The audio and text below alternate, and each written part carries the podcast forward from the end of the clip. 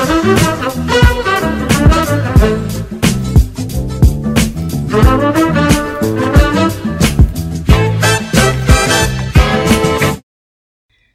teman sehat, kembali lagi dengan saya Zafira. Di episode sebelumnya, Kak Ahmad dan Prof. Hardin sudah berbincang nih mengenai manfaat puasa yang bisa memperbaiki kinerja dari lambung.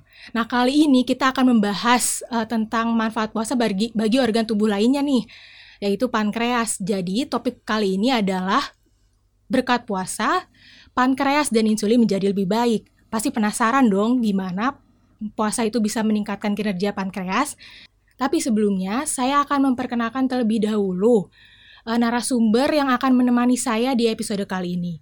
Beliau merupakan guru besar ilmu gizi FEMA IPB University dan juga Ketua Umum Pergizi Pangan Indonesia. Beliau adalah Prof. Hardin Syah. Selamat datang Prof. Hardin, apa kabarnya hari ini? Ya baik, kabar baik. Kak Zafira, gimana kabar? Alhamdulillah baik juga ya. Prof. Nah, nah, jadi Prof, kali ini kan kita akan membahas nih Prof ya. mengenai uh, peran puasa yang bisa membuat mekanisme uh, kinerja pankreas menjadi lebih baik, Prof. Yeah. Nah, tapi sebelumnya sebenarnya apa itu pankreas sih, Prof? Ya, pankreas dalam bahasa uh, lain juga disebut sebagai pulau Langerhans ya. Kan bentuknya di bawah hati itu ada seperti pulau yang memanjang, ekornya meruncing seperti ikan ya. Panjangnya sekitar 20 uh, plus minus lah tergantung usia ya. Uh, 20 cm kurang lebih.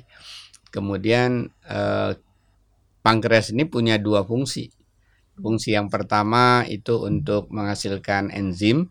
Enzim ini diperlukan untuk memperlancar berbagai proses reaksi kimia di dalam tubuh. Kemudian fungsi keduanya fungsi endokrin yaitu menghasilkan hormon. Ya, tapi tidak berarti dimonopoli oleh pankreas produksi hormon karena pankreas menghasilkan hormon tertentu. Uh, ada kelenjar yang lain ya, kelenjar uh, adrenal, ada kelenjar tiroid, ada testis, ada ovum dia juga menghasilkan uh, hormon dengan keunikannya. Nah, kalau kita bicara pankreas tadi, ya, ada dua yang secara umum nih kaitannya dengan uh, metabolisme ketika di bulan puasa nanti. Satu insulin namanya. Insulin. Ya, satu lagi glukagon. Glukagon. Ya dia akan mengatur keseimbangan uh, gula darah yang kita miliki. Kalau insulin, kalau ketika gula darah kita mulai uh, meningkat, dia bekerja untuk memerintahkan kepada hormon itu kan uh, sebetulnya zat kimia yang menyampaikan pesan. Oh gitu. Ya, chemical messenger istilah istilah lainnya ya. Dia akan uh, memberikan pesan kepada organ-organ terkait, misalnya hati, otot, dan lainnya untuk eh ini kelebihan gula nih di dalam darah. Hmm. Ayo gunakan sebagai ini sebagai sumber energi. Gitu ya, ya, pesan ya. ya Jadi sinyal ya memberi sinyal. Eh ini kebanyakan nih gula, ayo digunakan untuk energi supaya kamu bertenaga kira-kira gitu. Eh masih lebih nih. Ayo simpan dulu nanti kita gunakan. Hei hati, ayo simpan. Jadi dia jadi glikogen di hati. Hmm. Hei otot simpan ini nah, nanti kita pakai kalau kita butuh lagi disimpanlah jadi glikogen di otot ya ada lagi disimpan menjadi lemak gitu ya. Nah kalau glukagon itu sebaliknya ketika gula darah kita di darah rendah maka ini kan berarti kita mulai lemas rasa lapar ini kan harus diganti. Jadi rasa lapar bisa aja kita jadi makan tapi kan ini puasa. Kalau di bulan puasa tadi nggak mungkin, gak mungkin makan. maka eh pecahin dong ayo mari sini. Uh, hasilkan glukosa sebagai sumber energi dari dipecahkan dari glikogen yang disimpan di hati, dari otot. Kalau itu berlangsung lama, maka dari lemaknya juga dipecah. Jadi begitu ya, Prof. Pankreas itu punya uh, fungsi salah satunya itu memproduksi hormon ya, Prof. Iya. Dan uh, uh, hormonnya itu adalah insulin dan juga glukagon salah satunya itu yeah. yang berfungsi untuk uh, mengatur kadar gula dalam darah. Nah, kemudian nih Prof, uh, sebenarnya ada nggak sih hubungan antara puasa dan juga kinerja dari pankreas itu sendiri, Prof? Ya, uh, ada. Jadi Bapak lupa tadi di pankreas tadi ada oh, banyak iya. jenis sel. Oh iya. Ya, ada, ada sel beta itu yang sekitar uh, 65-80 persen hmm, dari ya, ya dari uh, pankreas yang bentuk seperti ikan tadi, sel-selnya adalah sel beta. Ada sekitar 15 sampai eh, 30 persen itu sel-sel alfa namanya. Sel alfa. Iya. Nah, sel beta ini yang memproduksi insulin. Dan glukagon tadi, Prof. Ya, kalau sel alfa memproduksi glukagon. Oh, Jadi masing-masing punya keunikan. oh begitu, Prof. Ya. Hmm. Nah, jadi kalau ketika kita puasa nggak makan, nggak minum setelah imsak sahur, biasanya 4 jam sampai 6 jam kemudian mulai kerasa eh, Lemes gitu ya, Prof. eh, lemas mungkin belum ya. Oh, belum. Apa apalagi kalau udah terlatih, mungkin rasa haus, rasa lapar mulai mulai muncul. Tapi karena kita punya niat secara spiritual, kita tahan kan. Iya, Prof. Dan lama-lama kita tahan sampai 30 hari, 29 hari Jadi juga ya, Prof. tahan Oh, eh, ketika siang hari demikian. Harusnya kan makan siang tuh, ya. Iya. Ketika jam-jam 6 jam setelah makan tadilah glukosa kita menurun, Mhm. bahkan sampai pada eh, titiknya, tapi nggak sampai pingsan ya. Biasanya di bawah 60 bisa pingsan ya. Biasanya sekitar 80 ya. Jadi gula darah normal kan 80 sampai 120. Sekitar 80, maka karena nggak ada makanan yang masuk, Mhm. maka hormon insulin menyampaikan pesan. Karena Oh, tu- itu tugasnya itu ya, Prof. tugasnya tadi chemical messenger ya, zat kimia penyampai pesan untuk eh ini kita kekurangan eh, Gula. glukosa di darah nih, Iya. sumber energi.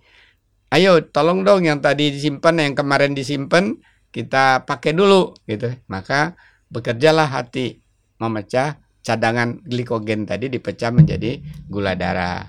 Kalau kurang lagi bekerjalah si otot ya ada glikogen di otot untuk dipecah menjadi glukosa darah dikirim semua ke pembuluh darah itu ya kemudian dialirkan digunakan masuk ke sel untuk jadi di mitokondria diproses ya untuk menghasilkan energi begitu Nah, tadi kan udah disebutkan ya, Prof. eh, pankreas itu punya banyak sekali fungsi. Nah, kalau misalnya nih, Prof, suatu saat pankreas nggak bisa bekerja secara optimal, apakah eh, ada dampaknya untuk kesehatan gitu, Prof? Ya bisa. Gangguan pada pankreas bisa sifatnya akut bisa kronik ya. Hmm. akut itu seketika bisa karena eh, terinfeksi eh, bisa juga karena terinfeksinya lama bisa jadi kronik bisa juga karena eh, minum alkohol itu biasanya juga mengganggu fungsi pankreas karena stres.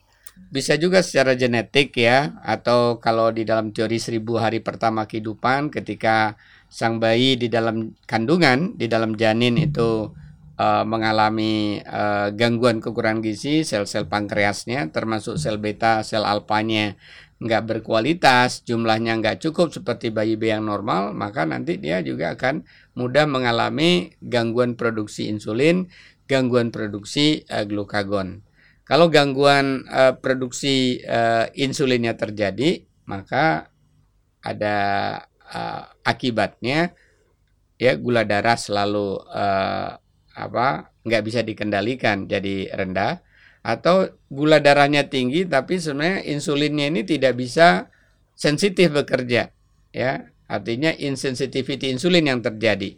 Jumlahnya bisa jadi cukup dia tidak sensitif ya bekerja sehingga gula darah tetap tinggi. Nah itu lama-lama dia bisa menyebabkan diabetes ya jadi Hmm, pre-diabetes diabetes. dulu biasanya gitu ya Jadi biasanya eh, kerusak atau eh, fungsi insulin yang kurang optimal ini yang menyebabkan terjadi dia- diabetes ya, Prof? Iya diabetes tipe 2 misalnya Tipe dua. kalau dalam kondisi tadi insensitivitas yang Oh. terjadi ya ketidakmampuan secara optimal mengelola eh, gula darah tadi untuk energi maupun untuk dicadangkan. Tadi Prof Aden kan juga sudah menyebutkan nih Prof eh, bahwa eh, sa apa kinerja pankreas salah satunya adalah memproduksi insulin. Mhm. Nah sebenarnya eh, ada juga nggak sih pengaruh berpuasa terhadap eh, kondisi insulin dalam tubuh kita, Prof? Ya itu otomatis ya ketika tadi tidak makan sampai 6 jam padahal kita puasa kan nggak makan sampai 14 jam ya di Iya. Indonesia ya.